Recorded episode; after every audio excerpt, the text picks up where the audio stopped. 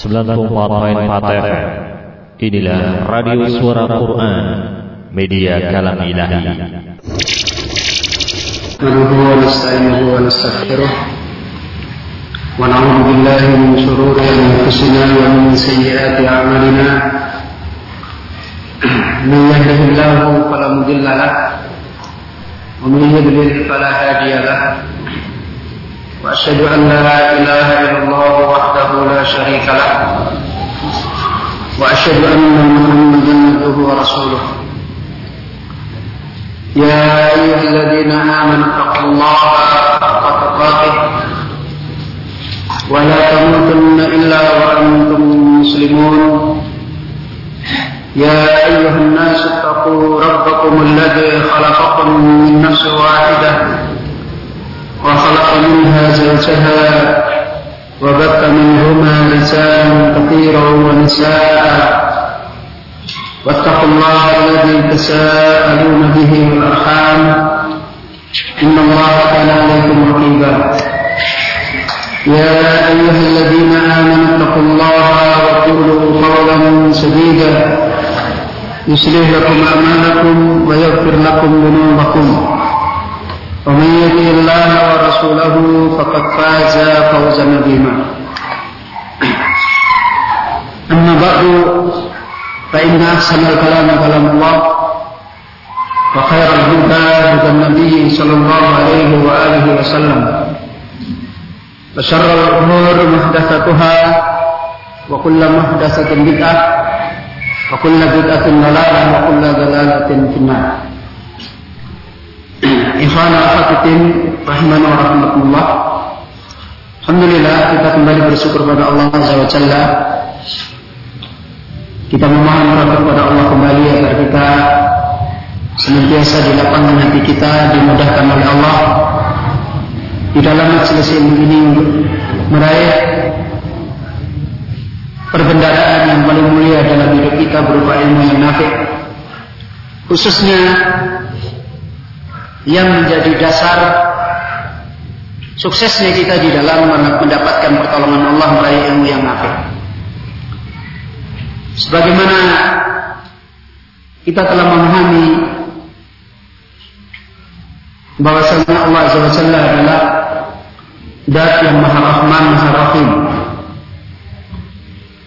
Dat yang Maha memberikan rahmat. Dat yang Maha mendatangkan seluruh kebaikan kepada makhluknya. Bahkan di dalam sebuah ayat Al-Quran Allah berfirman, Inna rahmati qaribun minal mu'minin. Sesungguhnya rahmatku senantiasa mengintai orang-orang yang beriman. Allah SWT menerangkan bahwasanya rahmatnya senantiasa dekat pada orang-orang beriman. Bahkan lebih-lebih lagi rahmat yang Allah janjikan kepada orang-orang beriman di akhirat. Tatkala Allah SWT berfirman di dalam sebuah hadis qudsi menerangkan tentang rahmat Allah. Rahmat dalam pengertian bukan sifat, tapi rahmat dalam pengertian ciptaan Allah yang Allah bermaksud memberikan balasan rahmat ini kepada hambanya yang dirahmati. Karena kata rahmat di dalam dalil-dalil kitab dan sunnah ada dua makna. Rahmat dalam pengertian sifat dan rahmat dalam pengertian makhluk. Kalau sifat itu bukan makhluk. Tatkala Allah menerangkan dalam hadis suci bahwasanya tatkala Allah menciptakan rahmatnya seratus rahmat mi'ata rahmatin kemudian satu rahmat diturunkan Allah Azza wa Jalla di dunia. Satu rahmat diturunkan Allah Azza wa Jalla di dunia. Dengan satu rahmat ini seluruh makhluknya di dunia hidup dengan kasih sayang Allah. Seluruh. Bahkan diterangkan oleh Nabi Shallallahu Alaihi Wasallam binatang buas bisa mengasihi berbuat baik pada anaknya. Itu karena rahmat Allah yang satu yang dibagi-bagi seluruh dunia 99 rahmat masih ada di sisi Allah dan Allah persiapkan pada orang-orang beriman Bahkan di dalam hadis Nabi SAW menerangkan hampir-hampir orang kafir itu dia tidak berputus asa mendapatkan surganya Allah. Coba. Setelah dia memahami bahwasanya rahmat Allah itu di akhirat seperti itu, hampir-hampir orang kafir, orang kafir itu kan ahli neraka. Itu dia tidak berputus asa mendapatkan surganya Allah di akhirat. Kalau kemudian kita sebagai orang yang masih ditolong oleh Allah dengan iman ini sampai terhalang dari rahmat Allah, maka kita sendirilah yang dolim pada diri kita. Termasuk rahmat Allah yang paling agung adalah ilmu. Dan seluruh orang yang beriman serendah apa pun pasti berharap untuk mendapatkan kasih sayang Allah, kebaikannya Allah Azza wa Jalla. Tapi pada kenyataannya sedikit orang-orang yang kemudian ditolong oleh Allah. Inilah persoalan. Harapan yang baik itu Serendah apa pun orang yang fitrahnya masih ada, dia masih punya harapan yang baik. Tapi biasanya harapan yang baik ini terputus tatkala orang itu tidak sanggup menempuh jalan yang Allah bentangkan. Nah itu persoalannya. Contohnya seperti Ibnu Qayyim menggambarkan orang sakit. Ada nggak orang yang sakit, orang yang sakit yang nggak ingin sembuh? Ada nggak? Ada nggak? Tapi ada orang sakit, walaupun dia nggak ingin sembuh, tapi kerasan dengan sakitnya. Lu kok bisa? Iya, karena berobat itu minta duit, ah mana-mana tidak ada berobat. Kan begitu. Datang ke rumah sakit harus antri. Sudah sampai gilirannya dokternya pamit. Ya. Kan begitu. Diobati pengennya sekali sembuh ini enggak dikasih percobaan dulu. Ini akhirnya apa? Jengkel dia. Dalam meh loro meh rapopoles daripada mumet. Akhirnya dibiarkan dirinya dalam keadaan sakit. Di sinilah membutuhkan kuatnya pemahaman tentang jalan. Kalau orang tidak mempunyai ilmu yang kuat tentang jalan yang harus dia tempuh, biasanya lemah. Tapi kalau orang itu sudah punya pemahaman tentang jalan itu kuat, maka insya Allah dia sudah cara wong Jawa ki wis tata. Tahu, wis tata. Wis meh apa-apa pokoke aku mundur. Kenapa? Dari awal dia sudah tahu persis jalan yang mau dia dia tempuh dan dia berusaha menyiapkan diri ke sana. Engkau sengsara, engkau disakiti orang, nanti begini, nanti begini. Dia pahami betul. Dan kesudahannya pun dia pahami. Akhirnya dia yakin jalan ini apa pun yang terjadi saya harus tempuh. Apabila lemah, lemah pemahamannya, lemah, ya walaupun dia menempuh nanti di tengah jalan pulang. Udahlah sengsara. Ya, semangat semangat mau belajar sampai di situ, alah sudahlah, tidak usahlah besok-besok lagi aja lah. Banyak masalah, banyak problem, akhirnya seperti itu.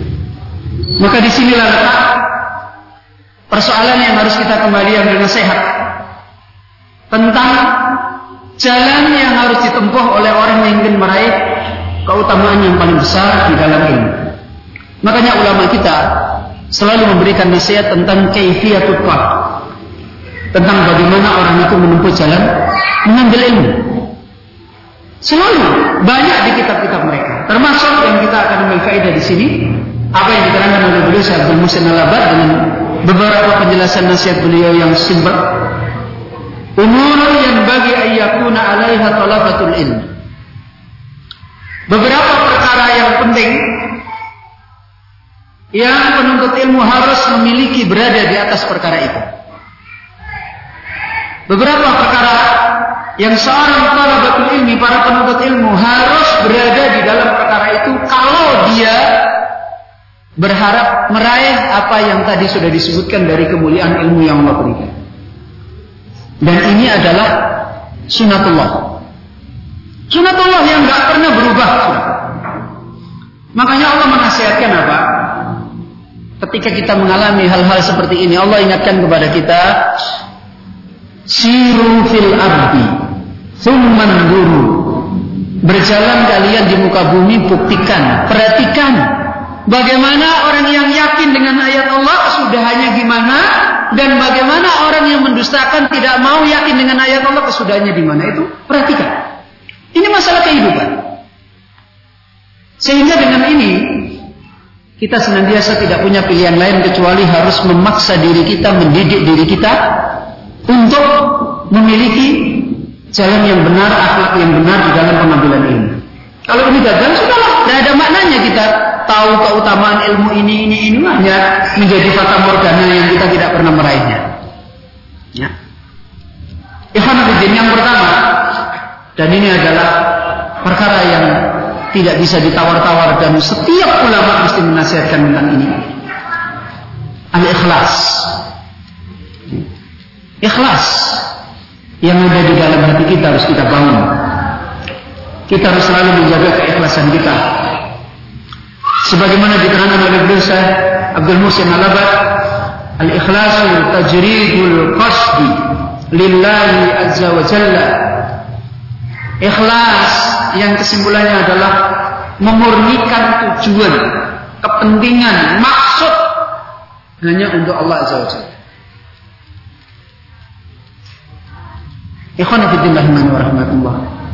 Beberapa kali dulu pernah kita sampaikan di beberapa pengajian. Ikhlas itu sebagaimana sudah kita pahami tadi adalah hati kita menyerahkan semua yang kita lakukan semata-mata untuk Allah. Dan ikhlas ini kembali kepada persoalan bagaimana orang itu bisa ikhlas. Bagaimana orang itu bisa ikhlas? Ikhlas itu akan diraih oleh orang-orang yang dia mendapatkan makrifat kepada Allah. Mendapatkan ilmu tentang Allah. Orang yang ikhlasnya mudah jatuh adalah orang yang dia tidak makrifat kepada Allah. Karena intinya orang ikhlas itu Yang tidak ikhlas itu Berharap selain Allah kan? Imam sanjungan orang. Imam ini mendapatkan upah, ya kan? Imam mungkin supaya dinilai orang ini orang bagus, orang ini dan sebagainya dan sebagainya. Berarti berharap dari siapa? Dari makhluk kan? Bagaimana orang bisa beramal berharap dari makhluk? Karena menganggap makhluk itu penting. Hatinya dipenuhi dengan pemahaman tentang makhluk. Wah, ningane atine iki kebak wong ya apa pun ora sugih ya ora enak ora ini ora ini di hatinya penuh. Akhirnya beramal juga kepentingannya. Orang itu kalau dinilai orang begini-begini, wah ini begini. Akhirnya hatinya kepentingannya ke sana. Kalau orang itu makrifat kepada Allah, mengenal keagungan Allah, maka dia menilai makhluk itu rendah. Kalau sudah menilai makhluk itu rendah, ikhlas itu akan mudah dia jaga dengan ditolong Allah. Dan itu wasilah yang paling besar orang-orang mendapatkan keteguhan. Diterangkan ilmi ayyakun al-ba'ithu li talabihi ala talabihi wajh Allah raja'an matubatahu wa khawfan. Raja'u raja'a matubatihi wa khawfa ukubatihi. Orang ikhlas itu adalah di dalam dia mencari ilmu motivasi pembangkitnya yang ada pada diri dia adalah wajah Allah keridhaan Allah karena cintanya kepada Allah dan karena takut karena berharap pada balasan Allah dan karena takut dengan azabnya Allah. Itu dasar pokok daripada ikhlas. Wa nafsihi wa an. Dan agar dia bermaksud menghilangkan kebodohan pada dirinya dan pada yang lain. Karena bodoh itu membawa kerusakan. Maka ketika dia menuntut ilmu, dia berniat bagaimana dia menjadi orang yang tidak bodoh sehingga dapat kebaikan. Itulah ikhlas. Kemudian akhirnya dia fayabudullah ala basiratin wa yad'u ghairahu ilallahi ala basiratin. Kemudian dia menjadi orang yang seluruh kehidupannya dia beribadah kepada Allah dengan ilmu dan dia meninggalkan selain Allah menuju kepada Allah dengan ilmu. Sebagaimana Hal ini Allah Jalla telah perintahkan kepada kita di dalam surat Al-Bayyinah, "Wa ma umiru illa liya'budullaha mukhlishina lahuddin." Tidaklah mereka diperintahkan di dalam agama ini kecuali agar mereka beribadah hanya pada Allah. Kemudian mereka menjadi orang-orang yang mengikhlaskan agama hanya untuk Allah. Hunafa'a dalam keadaan dia adalah orang yang hanif, yang lurus. Yukimu salata wa yu'tu zakata. Dia mengerjakan salat, menunaikan zakat semata-mata untuk Allah. Wa dzalika dinul qayyim dan itulah agama yang yang lurus.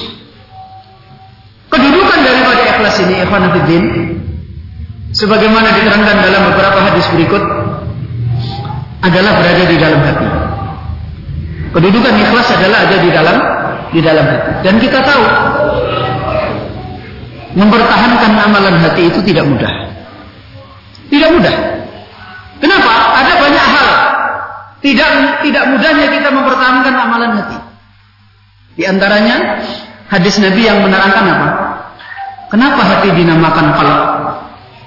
Kenapa? Kenapa hati disebut dalam bahasa Arab? Hah? Gimana? Kasratut takallub. Karena banyaknya berbolak-balik. Itu hati. Hati itu adalah sesuatu yang mudah berbolak-balik. Ini amalan hati. Maka hendaklah orang itu punya perhatian yang besar terhadap urusan hatinya. Bagaimana dia menjaga? Karena hati itu mudah berbolak-balik. Di antara penghalang yang lain, kenapa? Hati itu diumpamakan oleh Nabi SAW adalah seperti eris. Bulu yang ada di gurun Sahara yang luas. Coba kita perhatikan, kalau ada bulu di gurun Sahara yang luas, gimana kira nasibnya bulu? Hanya cuma angin kecil saja dulu. Apa yang terjadi? Kabur. Ya kan? Mudah sekali, ringan. Itu hati. Keadaannya. Dan masih banyak nasihat-nasihat para ulama tentang masalah hati. Karena itu masalah niat adalah masalah yang sebagaimana diingatkan dalam banyak hadis menjadi kekuatan bagi kita untuk mempunyai perhatian yang besar di dalam masalah bagaimana kita memperbaiki hati kita.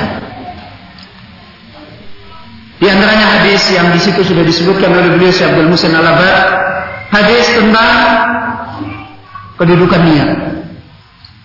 Ya, kedudukan niat yang ada di dalam hati. Yang hadis itu insya Allah sudah sering kita dengar.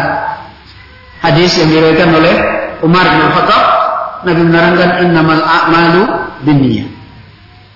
Kemudian hadis yang lain yang dikutip oleh beliau Syekh Abdul Musin adalah hadis yang diriwayatkan oleh Muslim juga Inna Allah la yanzuru ila suwarikum wa amwalikum walakin walakin yanzuru ila qulubikum wa amalikum Sesungguhnya Allah Azza wa Jalla Tidaklah Allah senantiasa melihat pada rupa-rupa kalian dohir kalian. Dan Allah tidak melihat pada harta-harta yang ada pada kalian. Akan tapi Allah melihat senantiasa memperhatikan apa yang ada di dalam hati kalian dan amal-amal kalian. Riwayat yang lain menunjukkan tentang persoalan masalah ikhlas ini bukan sesuatu yang mudah.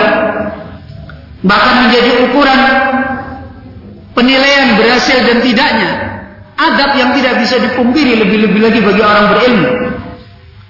Yaitu riwayat dari Abu Musa al-Asari, Ja'a rajulun ila Nabi sallallahu alaihi wasallam. Faqala ar-rajulu yuqatilu hamiyah wa yuqatilu saja'atan wa yuqatilu riya' fa ayyu dhalika fi sabilillah? Qala man qatala litakuna kalimatullahi hiyal ulya fa huwa fi sabilillah. Nabi sallallahu alaihi wasallam bersabda, Nah, Abu Musa al mengisahkan ada seseorang datang kepada Nabi. Maka orang itu berkata, ya Nabi, ada orang berperang menunjukkan keberanian. Nah, hamiyah untuk menjaga kehormatan. Ada orang berperang saja karena keberaniannya. Ada lagi orang berperang karena supaya dilihat orang, wah ini orang dapat penghargaan, dapat penilaian dan sebagainya. Fa'ayyu dalika fisabilillah. Maka dia bertanya pada Nabi, di antara yang ini mana yang masuk di jalan Allah? Maka Nabi menjawab, "Man qatala litakuna kalimatullahi hiyal ulya fa huwa fisabilillah." Siapa yang dia berperang agar kalimat Allah senantiasa tegak, tinggi, maka itulah orang yang di jalan Allah. Ini ikhlas. Maka disimpulkan oleh beliau Syekh Abdul Muhsin Al-Abad hafizahullah wal ikhlas asasun najati wal falah. Ikhwan terutama di dalam masalah ilmu. Kita kembali lagi. Ini adab yang berat yang tidak mudah diraih oleh orang-orang di dalam talabul ilmu. Dan sekaligus adab ini yang menjadikan talibul ilmi itu nanti bisa istiqomah apakah tidak? Yang menjadikan bisa istimrar apakah tidak? Kalau cuma baru sehari, dua hari dan sebagainya belum terlihat. Nanti kelihatannya kalau dalam keadaan apa pun dia bisa istimrar, maka secara dohir maka insya Allah ini orang yang ditolong oleh Allah ikhlas. Buah daripada keikhlasan. Buah daripada keikhlasan. Karena itu dari awal, ketika kita sudah bisa tahu masalah ini berusaha memperbaiki atau kita sudah terlanjur dari awal kita tidak benar, kita perbaiki di tengah jalan. Karena ikhlas itu juga anugerah Allah, pemberian Allah. Sebagaimana ketika Allah menerangkan firman-Nya illa ibadaka minhum al-mukhlisin bisa juga al-mukhlasin. Al-mukhlisin adalah isim fa'il artinya orang-orang yang berbuat ikhlas. Al-mukhlasin adalah isim maf'ul artinya orang-orang yang ditolong oleh Allah bisa berbuat ikhlas. Jadi kita memang berusaha mengamalkan ikhlas, tetapi ikhlas yang kita raih adalah anugerah Allah, pemberian Allah. Maka berusaha kita untuk menjaga masalah ini dan meminta tolong pada Allah. Karena ikhlas itu adalah dasarnya najah. Kesuksesan itu segala sesuatunya dibangun yang paling besar dari keikhlasan. Wal Ya. Keberuntungan, nasib yang baik, kemenangan itu juga diraih dasarnya dari ikhlas. Kemudian disertakan dengan ittiba, wa huwa ma'al kemudian disertakan dengan mengikuti teladan contoh tuntunan yang datang dari Nabi. Ruknal amalil ladzi yataqabbaluhu Allah. Yaitu dua rukun yang Allah menjadikan amal senantiasa Allah terima.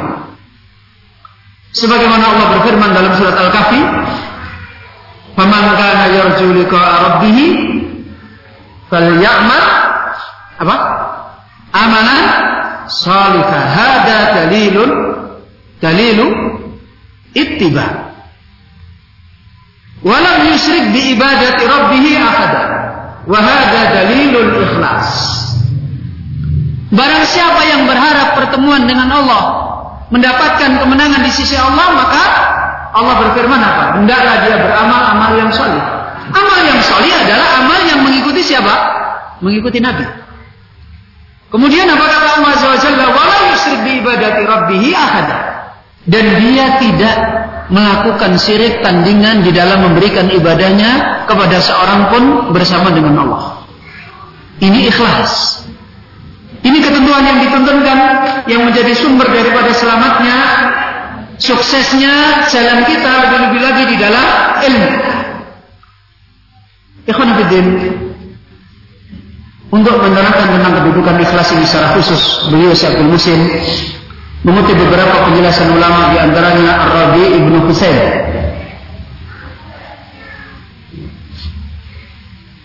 Dalam pada halaman 25 wa qala Ar-Rabi Ibnu Husain kullu ma la yuradu bihi wajhullah yadmahil subhanallah. Perhatikan ini nasihat yang sangat berat. Dan kita selalu takut kepada Allah dan usaha untuk memperbaiki masalah ini. Apa setiap apa saja. Kullum la yuradu bihi wajhullah. Setiap apa saja di dalam urusan agama kita lebih-lebih ilmu. Yang tidak dimaksudkan mencari wajah Allah. Yang tidak dimaksudkan untuk mencari keridhaan Allah. Wajah Allah tidak diharapkan di dalam apa yang dia lakukan. Apa kata beliau Imam Rabi? Yadmakin apa yadmakin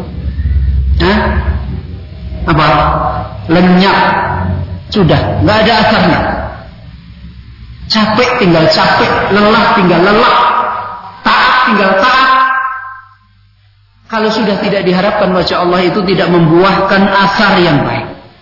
Ya demakhil akan sirna, sirna. Sebagaimana kejadian para imam-imam kita, Imam Malik pada zamannya ketika beliau menulis kitab Al-Muwatta, bermunculan orang-orang menulis kitab Al-Muwatta. Namanya juga sama, Al-Muwatta. Tapi apa Imam Malik ketika ditanya, bagaimana ya Imam ini banyak kitab-kitab namanya sama juga dengan kitabmu dan sebagainya dan sebagainya. Apa jawaban Imam Malik? Man kana akhlaso Siapa yang dia ikhlas, maka dia akan teguh. Imam Malik meninggal dunia, sampai sekarang yang kita dengar muat muatannya siapa? Muatannya Imam Malik. Kita tidak pernah dengar muatak dari selain Imam Malik. Itu sunatullah yang Allah tegakkan di dalam hukum perjalanan kemuliaan bagi kita para hamba-hambanya. Maka beliau Sabdul Masin juga mengutip sebuah perkataan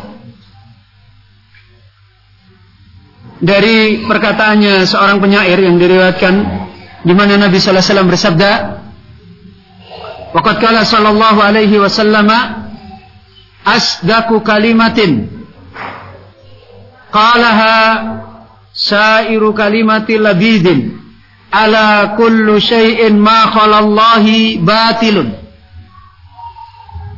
Kata Nabi sallallahu alaihi wasallam Nabi menerangkan sebenar-benar perkataan adalah perkataan yang seorang penyair yaitu perkataannya seorang penyair yang disebut dengan Labid dia telah berkata ala kullu syai'in ma khalallahi batilun ketahuilah sesungguhnya semua apa saja apa saja ma khalallah kalau itu kosong bersih, tidak ada Allah Azza wa Jalla dimaksudkan dengannya. Batilun maka akan menjadi sesuatu yang batil dan batil itu Allah menerangkan gimana dalam Al-Qur'an. Bagaimana Allah Jalla menerangkan kebatilan dalam Al-Qur'an? Gimana? Eh, biar nggak ngantuk ini. Gimana Allah menerangkan tentang sunnah Allah di dalam kehidupan tentang kebatilan? Apa? Innal batila karena zahuqa. Jadi yang tentu tidak usah pusing dengan dengan kebatilan, tidak usah pusing. Batil itu sesuatu yang akan lenyap. Allah itu sudah menetapkan sunnahnya di dalam hidup ini. Kalau orang itu benar, ikhlas, lurus, walaupun apa pun keadaan yang dialami, walaupun yang batil kuat, hebat dan sebagainya, pasti yang batil itu lenyap. Itu sudah sunnatullah. Gak bisa dipungkiri. Jadi perhatian kita yang paling pokok adalah bagaimana kita memperbaiki ikhlas. Bagaimana kita memperbaiki kebenaran. Tidak tidak menjadi orang yang sibuk bingung hanya dengan urusan-urusan batil sementara kita sendiri tidak memperbaiki hal yang menjadikan kekuatan kita. Demikian pula Al-Imam Ad-Dahabi mengutip sebuah perkataan dari Al-Imam Ibnul Mubarak. Al-Imam Ibnul Mubarak telah berkata, rubba amalin sagirin tukassiruhun niyatu wa rubba amalin kathirin tusaghiruhun niyatu. Banyak amalan yang kecil. Banyak amalan yang kelihatannya kecil remeh ya. Kelihatannya remeh. Tidak terlihat hebat. Contohnya misalnya dalam menuntut ilmu kalau antum misalnya ngapal ke nggak bisa capek-capek atau dan sebagainya, orang pasti nggak terlalu memperhatikan ini amalan yang besar. Oh memang kamu nggak bisa ngapalin selesai kan gitu kan? Tapi kalau orang misalnya dia sholat kemudian gagal nggak bisa jamaah, orang langsung melihat, oh dia pernah sholat jamaah, kelihatan amalan besar. Amalan-amalan yang kadang-kadang kelihatannya itu sepele. Kadang-kadang sepele, kelihatannya kecil tapi bisa menjadi nilainya banyak. Kenapa? Tukaffiruhun niyah. Makanya Syekh bin Bas rahimahullah di dalam kitabul ilmi menerangkan tidurnya seorang penuntut ilmu. Kalau orang tidur itu melihat ibadah atau tidak ibadah? Melihat orang tidur itu ibadah atau tidak ibadah? Hah? Hah? Gimana? Kalau ada orang tidur tidur, terus kita melihat orang dia tidur, kita nilai orang itu beribadah enggak? Malah nilai uang kok turu ya kan itu. Kan gitu nilainya. Sudah dinilai apa-apa, tidurnya penuntut. Jalannya dia dari ke sana ke sini cuma beli pulpen, cuma tanya sama temennya ini apa dan sebagainya. Diterangkan saya bebas. Apa kata beliau saya bebas? Ibadatun adimah, ibadah yang besar. Kalau itu dipersiapkan, diniatkan untuk menyiapkan yang Itu para ulama menerangkan makanya tidak sedikit orang-orang ditolong oleh Allah Azza wa Jalla di dalamnya karena hal-hal yang kelihatannya sepele itu dia bangun dengan niat yang baik untuk menyiapkan mendapatkan keridhaan Allah. Ini ikhwan fillah Kadang-kadang usaha kita yang sifatnya kelihatannya besar, ketika kita salah di dalam berniat, belum tentu. Kenyataan itu banyak. Kalau di Semarang itu banyak orang-orang yang belajar ya di tempat kita belajar teman-teman di sana. Anaknya cerdas oh nggak ngapal ke mempeng mana cerdas ngapal ke juga mempeng. Setoran orang pernah salah. Belajarnya nggak umur. Nggak umur. Padahal di majelis kelihatan ternilai anggaran muni pinter pasti wah pinter dewi wah. Bagus itu wah berarti orang hebat kan perhatian orang pasti tertuju pada mereka yang pinter tapi kok Allah saya nggak tahu rahasianya Tiga empat bulan kemudian sudah nggak bisa belajar lagi, sudah menjadi orang biasa lagi. Innalillahi wa inna ilaihi Itu ada. Ada yang ora isonan, takoni paling ora iso, sehingga dijadikan ukuran paling tidak bisa di situ. Tapi ndak ada. Terus ngaji terus. Saya yakin mudah-mudahan itu karena keikhlasan. Sekarang malah, alhamdulillah, orang-orang lain jadi, oh ini bisa raiso, terus saya malah nulah. Itu aja yang dari kita. Kita nggak tahu Allah itu memberikan anugerah pada seseorang. Mungkin karena keikhlasan dia, apa yang dia lakukan, dia berharap Allah menolong dia. Kita nggak tahu rahasianya Allah. Makanya perhatikan di dalam kita menempuh amal. Jangan menganggap hal-hal yang remeh itu remeh. Niatkan yang baik. Capeknya kita dalam ilmu dan sebagainya. Niatkan yang baik. Bisa jadi jadi wasilah Allah membesarkan jalan yang kita tempuh. Hmm? Tapi kalau kita sudah tidak bisa meniatkan dengan niat yang baik ya, naudzubillah walaupun kita kelihatannya cerdas, kelihatannya pintar, tidak ditolong oleh Allah untuk mendapatkan ilmu. Banyak hal kalau Allah ingin menggagalkan seseorang. Banyak hal. Ya, ditugaskan kerjanya pindah aja wis bingung. Ya kan? Ditugaskan anaknya sakit, kemudian istrinya bengok-bengok, udah pusing kepalanya, set Nanti tahun depan aja saya tak ikut. Sekarang saya konsentrasi dulu ngurus keluarga. Wes, jadi alam. Ya kan? Sudah jadi alam. Sudah lain pikiran sekarang dengan tahun depan sudah lain. Ini persoalan kayak gini ini masalah persoalan hidup ya Maka supaya kita ditolong oleh Allah, perhatikan amalan kita, jaga niat. Dekat kepada Allah Azza wa Jalla agar kita selalu menjaga usaha kita. Maka dari sini pula Ruba amalan kafirin tusafiruhun niat. Banyak amalan-amalan yang kelihatannya besar, hebat dan sebagainya menjadi tidak bermakna kecil, tidak jadi sebab kebaikan karena niat yang tidak baik. Al-Imam Ad-Dahabi rahimahullah telah berkata di dalam kitab yang sama Syiar A'lamin Nubala bagaimana para salaf di dalam masalah niat. Sebagaimana kita tahu masalah niat ini masalah besar, maka para salaf tidak pernah berputus asa untuk selalu memperbaiki niat mereka. Sekalipun mungkin pada awal-awal dia belajar, dia belum bisa menata niatnya dengan baik. Sekalipun demikian. Sebagaimana kata Imam Ad-Dahabi rahimahullah, dia berkata, "Waqad kana salafu yatlubuna al-ilma lillah." Dan sungguh para salaf mereka dulu senantiasa menuntut ilmu untuk semata-mata karena Allah. Fanagalu wa saru a'immatan. Maka mereka kemudian telah menjadi orang yang berlomba di dalamnya, menjadi orang yang menempuhnya dengan kuat. Kemudian mereka akhirnya menjadi imam-imam yang diikuti, dicontoh. Wa talabahu minhum awalan lalillah. Ilmu tersebut juga dituntut ada satu kaum yang mengambil ilmu itu Di antara mereka pada awal dia belajar, dia belum bisa ilmu itu dia belajar karena Allah. Niatnya mungkin karena yang lain-lain. Wa khasaluhu.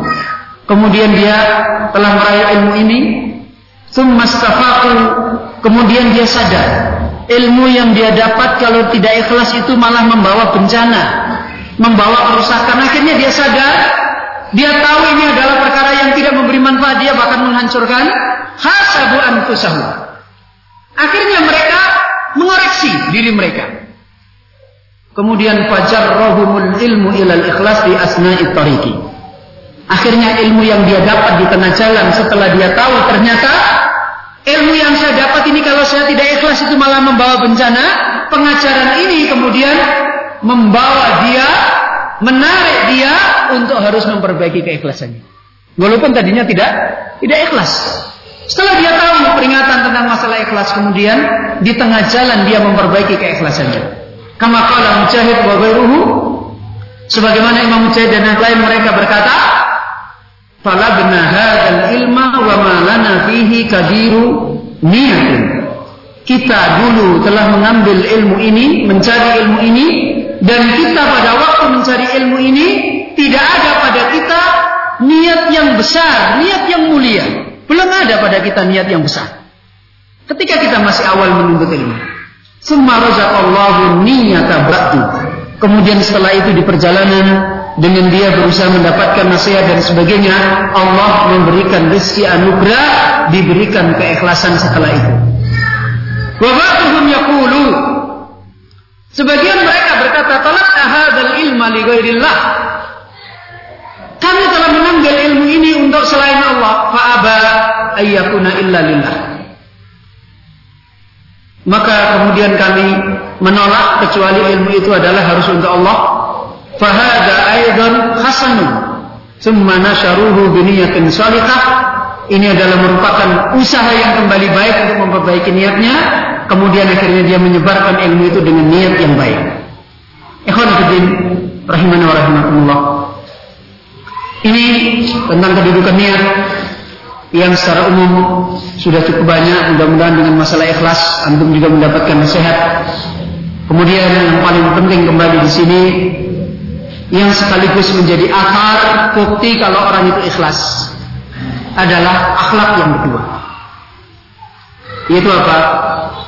Al-jiddu wal istihadu fi taksilil ilmi berusaha yang keras.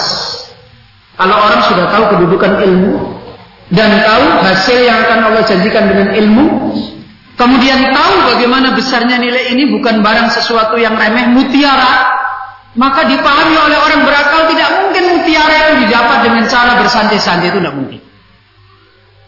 Sebagaimana dari awal kita sini diterangkan oleh beliau Abdul Musim. Maka bukti keikhlasan untuk meraih kemuliaan yang tinggi adalah al-jiddu wal istihad. Memiliki kesungguhan dan usaha yang keras di dalam meraih ilmu. Di dalam bagaimana dia meraih ilmu. Maka diterangkan oleh beliau Syaikhul Muhsin, "Wala budda min al-ikhlas fi talabil ilmi min al-jiddi wal istihad." Maka tidak bisa tidak harus disertakan bersama dengan ikhlas di dalam menuntut ilmu dan itu bukti kalau dia adalah orang yang ikhlas, berusaha keras dan bersungguh-sungguh di dalam talabul ilmu. Kemudian wasarfil awqati fi tafsilihi wal ibtiadi anil kasali wal kumuli wal ikhladi ila rafati. Ini mohon maaf para umat, anaknya yang suaranya banter-banter mungkin disuruh main di luar aja. Ya, ya kalau nggak bisa diam disuruh main di luar biar mungkin menirukan syair tadi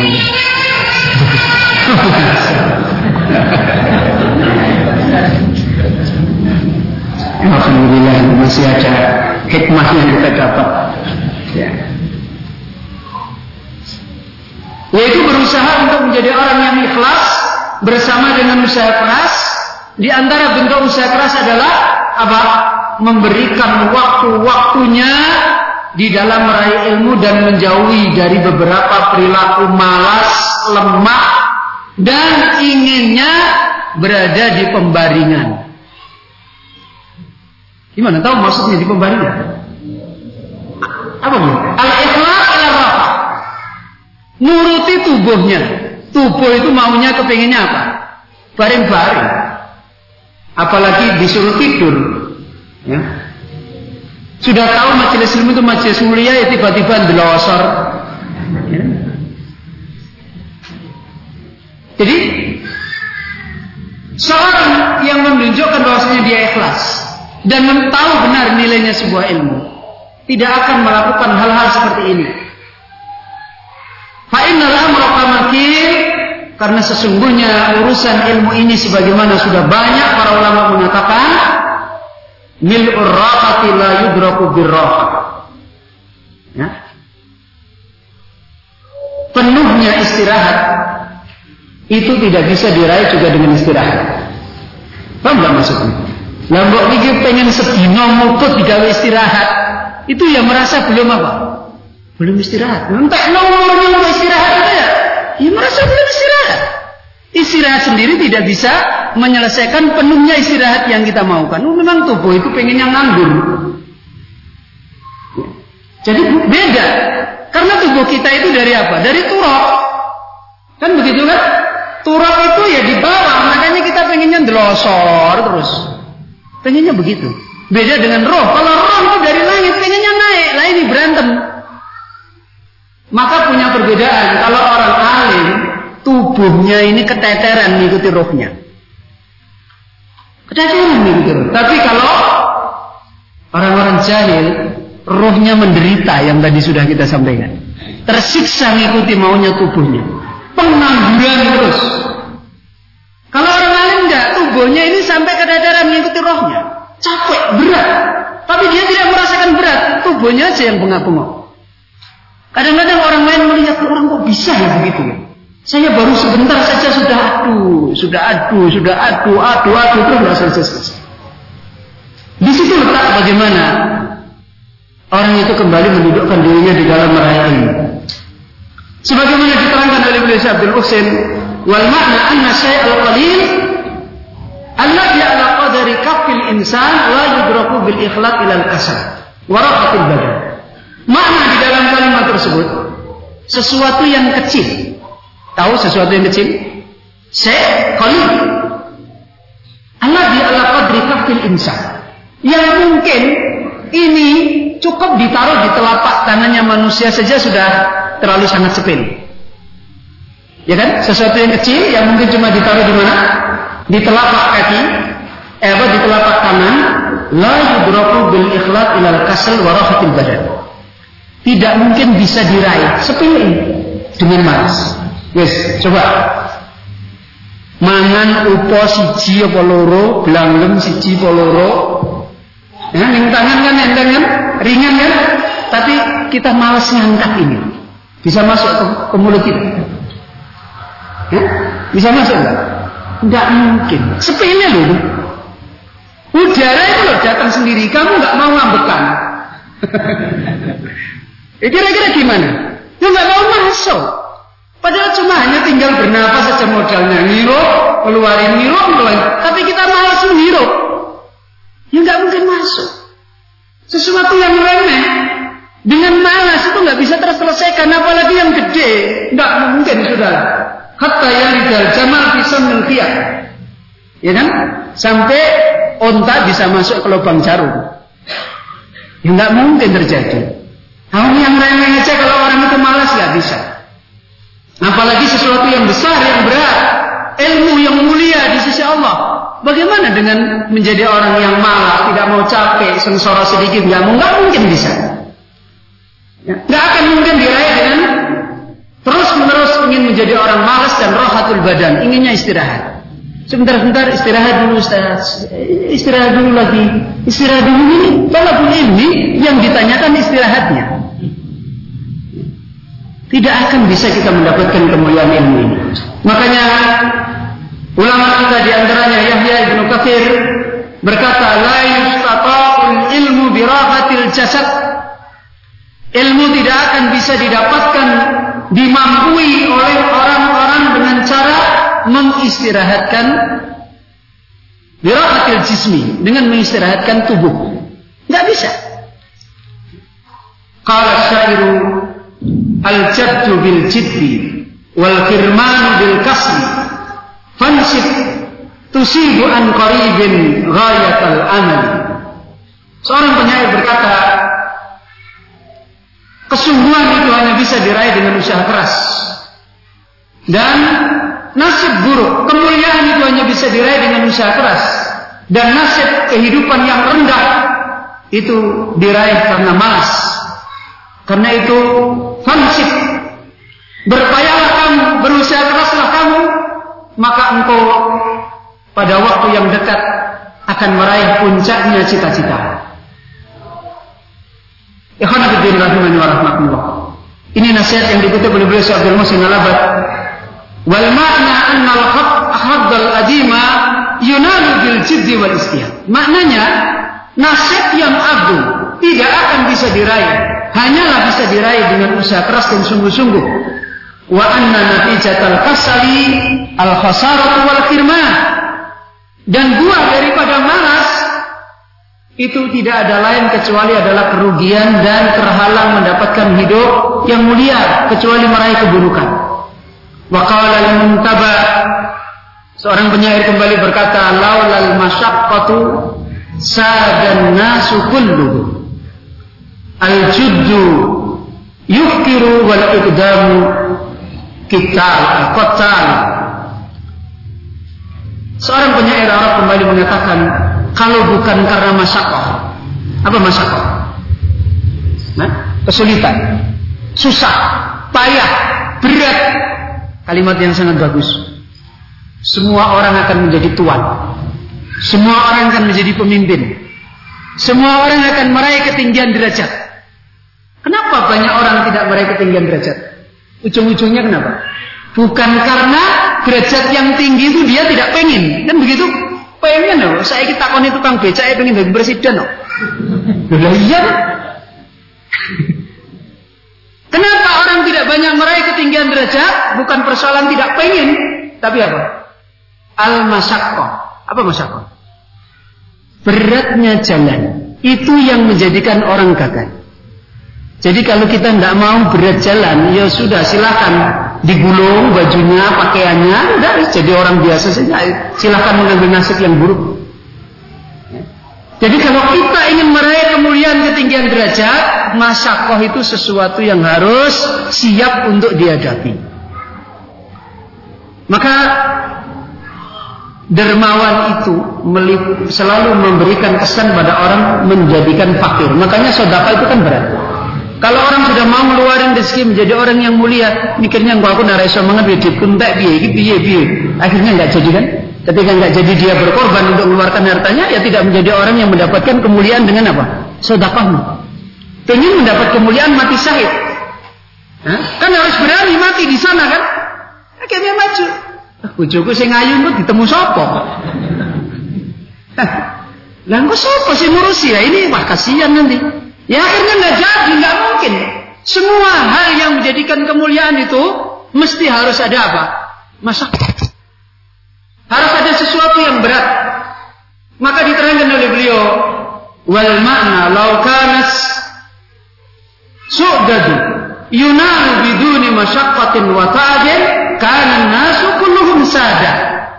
Maknanya kalau kedudukan yang tinggi itu bisa diraih dengan tanpa kesulitan, tanpa problem, tanpa masalah, tanpa payah, maka setiap orang jadi kedudukannya tinggi semua. Buktinya kebanyakan orang adalah orang-orang yang rendah. Itu karena tidak maunya mereka menempuh masyarakat. Lakinnahu la yahsulu illa bita'abi wal masyaqqah. Akan tetapi kedudukan yang tinggi itu tidak akan berhasil kecuali dengan payah dan dengan kesulitan. Walida la yuhassiluhu kullu ahadin. Karena itu setiap orang tidak bisa meraihnya. Kenapa? Orang yang mau apa? Yang mau masakoh. Orang yang mau merasakan berat. Padahal sebenarnya berat itu kalau sudah dinikmati nggak berat. Cuma antum terpikirnya berat terus. Ya. Banyak itu loh orang cuma sakit panu, gatel. Tapi karena dia tidak bisa mensikapi dengan baik, merasakan susah. Ya, merasakan susah. Menderita dia dengan sakit panu. Tapi ada orang sakitnya sudah parah, tapi karena dia mau menerima dengan baik, dihadapi dengan baik, dengan ridho, ya dia tidak merasa berat. Loh, apa betul? Apa betul?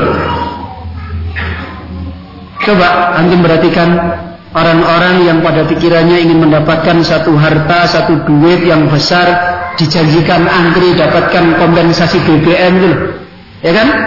Antri sampai payah-payah, tuwek-tuwek, Padahal susuan kemeringet, ya kok ora bunga-bunga aku kesel, aku kesel ora sudah ya ora ndak usah antri lah. Ndak ada itu loh. Semua itu ditunggu sampai sore pun mau antri dengan payah-payah. Buktinya dia tidak ngerasain. Coba kalau dalam satu ketika yang lain disuruh duduk saja setengah jam. Allah susah ini lama bagaimana bagaimana. Kembali kepada sikap kita itu bagaimana. Kalau kita bisa menghadapinya dengan baik sebenarnya bukan satu kepayahan.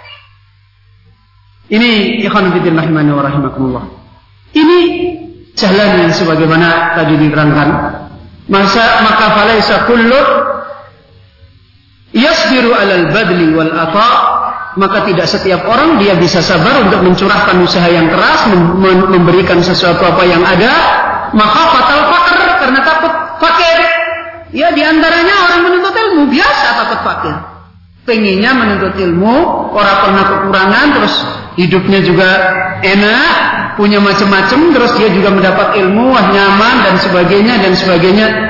Allah alam saya tidak tahu apakah orang seperti ini berhasil atau tidak ya, ngerti. Jadi takut terjadi nanti kekurangan dan sebagainya dan sebagainya.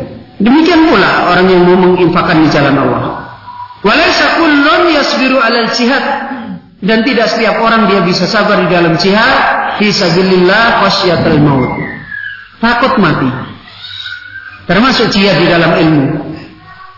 Maka dari nasihat ini beliau Syabdul Muslim Al-Abad mengutipkan beberapa kisah yang beliau katakan wal qudwa wal uswah fil jid fi ilmi ashabu Rasulullah sallallahu alaihi wasallam. Tidak ada teladan yang paling hebat di dalam masalah kesungguhan dan usaha keras di dalam talabul ilmi ini melebihi daripada para sahabat Nabi sallallahu alaihi wasallam. Wa man kana ala nazihim min salafi hadhil ummah dan orang-orang yang menempuh jalan mereka dari para salaf umat ini. Di antaranya qad kana ashabu Rasulillah sallallahu alaihi wasallam radhiyallahu anhum yulazimu yulazimuna majalisa Rasulullah sallallahu alaihi wasallam litulaqi litulaqi al-haqqa wal huda minhu. Summa nasara dhalika bainan nas. Walladzina la yatamakkanuna min mulazamati majalisi sallallahu alaihi wasallam yattafiqu ba'duhum ma'a ba'din ala tanawubi wa ala ala tanawusi ala tanawubi ala majalisihi wal qiyami bi umurihim al khasati biman lati tatatallabu ghiyaba ba'dihim an ba'di majalisihi sallallahu alaihi wasallam. Bukti contoh yang paling bagus adalah pada para sahabat dan orang-orang yang dicat mereka para sahabat di mana sahabat adalah orang-orang yang mempunyai kepentingan yang besar bagaimana terus-menerus bertemu dengan Nabi untuk duduk di majlisnya Lihat di antaranya siapa? Abu Hurairah. Ya kan? Abu Hurairah. Bahkan kemudian dia menyebar kemudian dia keluar menyebarkan di antara manusia Bahkan beberapa sahabat yang banyak urusan tidak memungkinkan bisa terus sepenuh mengikuti majelis Nabi. Apa? Mereka membuat perjanjian dengan teman-temannya. Apa? Membuat ittifaq bersepakat dengan sebagian sahabat dengan sebagian yang lain untuk tanawub. Apa tanawub? Giliran ngaji. Giliran karena ini ada urusan yang harus diselesaikan, ini kamu yang berangkat. Nanti ilmumu dapat, sampaikan saya. Besok giliran saya. Nanti saya dapat, saya sampaikan kepada kamu. Ini perhatian mereka sampai seperti itu. Dan ini juga Imam Bukhari membuat bab di dalam sahihnya tentang masalah ini. Bab sahabat menggilir bagaimana mereka bisa bermajelis dengan Nabi. Walaupun orang sibuk kayak apa pun.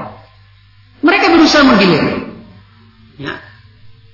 Dalam hal yang mereka tidak mendapati ilmu ketika tidak bersama Nabi. Di antara beberapa dalil tentang riwayat ini adalah hadis dari Umar bin Khattab radhiyallahu anhu. Umar berkata, "Inni kuntu wajarun li minal ansar fi Bani Umayyah ibnu fi Bani Umayyah ibni Zaid wa hiya min awalil Madinah. Wa kunna natanawabu an-nuzula 'ala Nabi sallallahu alaihi wasallam. Fayanzilu huwa yawman wa anzilu yawman. Fa idza nazaltu ji'tuhu min khabari min khabari dzalikal yawma min al-amri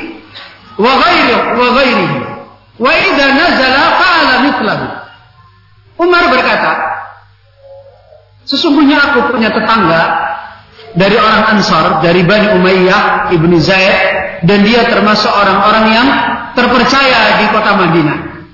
Kami bersepakat dengan dia untuk menggilir bermajelis pada Nabi. Kunna natanawabu an-nuzula. Kami bergiliran dengan dia atas Nabi. Suatu ketika dia turun di majelisnya Nabi dan suatu ketika aku turun di majelisnya Nabi. Ketika saya telah turun di majelisnya Nabi, kemudian saya datangi dia, saya kabarkan apa yang saya dapat hari itu dari perkaranya Nabi, perintahnya Nabi dan yang lain. Kemudian kalau dia yang gantian turun, maka dia pun mendatangi saya. Kemudian menyampaikan ilmu itu kepada saya. Ini bukti bahwa mereka para sahabat adalah punya kepentingan yang besar, kegigihan di dalam apa? Sekalipun mereka orang yang punya urusan amanah yang banyak, mereka tetap bisa menjadi orang yang mendapatkan majelis ilmu dari Nabi. Dalil yang lain diriwayatkan oleh Imam Muslim dari Uqbah Ibnu Amirin annahu qala kan kanat alaina riayatul ibil faja'at naubati farawahtuha bi asiyyin fa adraktu Rasulullah sallallahu alaihi wasallam qa'iman nas. Adalah kami keberadaan kami kami mempunyai riayatul ibil tugas untuk mengurus onta ya, riayatul ibil untuk mengurus onta maka telah tiba giliran saya maksudnya bukan giliran ngurus onta tapi giliran dia harus apa? Harus belajar pada Nabi. Jadi ini nanti diterangkan dalam hadis di belakang. Ya. ketika tiba giliran saya maka saya memberangkatkan mengandangkan onta saya tersebut pemeliharaan itu sampai dengan pada waktu asyiyin, waktu isya waktu akhir isya. Kemudian ketika itu saya berangkat kepada Nabi saya mendapati Rasul Sallallahu Alaihi Wasallam menyampaikan hadis dalam keadaan Nabi berdiri kemudian dalam hadis berikut diriwayatkan yang lain dari Abu Dawud Uqbah juga menerangkan kunna ma'ar rasuli Hudama anfusina. Kami senantiasa bermajlis dengan Nabi dalam keadaan kami adalah hudama anfusina. Apa hudama anfusina? Kami adalah para pelayan pada diri kami. Iya maksudnya pelayan pada diri kami. Orang dua PRT gitu loh. Tahu nggak? Nggak punya pembantu rumah tangga, opo-opo dikerjakan dirinya sendiri. Jadi orang yang dia adalah punya banyak urusan di rumahnya. Tapi dia selalu duduk bermajelis dengan Nabi. Jadi antara bermajelisnya dengan Nabi dan antara dia ngurus urusan rumahnya, amanahnya dia apakan? Hah? Dia apa? Digilir. Jadi dia menggilir dirinya untuk melayani dirinya dan untuk melayani apa? Binatang ternaknya. Karena nggak punya pembantu. Jadi jangan alasan nanti kalau sudah ada yang bantu keluarga saya saya tak menuntut ilmu. Dulu para sahabat nggak punya pembantu, pelayan diri-diri mereka sendiri. Ini diterangkan oleh Ubah dalam keadaan kita mayoritas para sahabat ini menjadi pelayan pada diri-diri kita sendiri. Kemudian apa? Dalam keadaan kami senantiasa menggilir, menggilir apa? Ar-riayata wa riayat ibilina. menggilir bagaimana kami ngurus onta kami. Fakanat alaya riayatul ibil, kami punya pengembalaan ibil. Para waktu habil asyiyi, maka aku sebelum berangkat ke Nabi, saya membawa dulu berjalan, membawa memberangkatkan unta saya. Dan ini dalam riwayat diterangkan, tafsirnya dia bawa sejak siang matahari tergelincir sampai waktu sholat isya mau akhir. Itu dia bawa untanya jalan dulu lelah, baru dia datang ke majelis Nabi dalam keadaan Nabi telah berdiri menyampaikan ilmu. Artinya tinggal beberapa hal yang dia dapatkan. Ini keadaan mereka. Bagaimana mereka punya perhatian yang besar di dalam masalah ini. Istirahat. Pada. 94.4 FM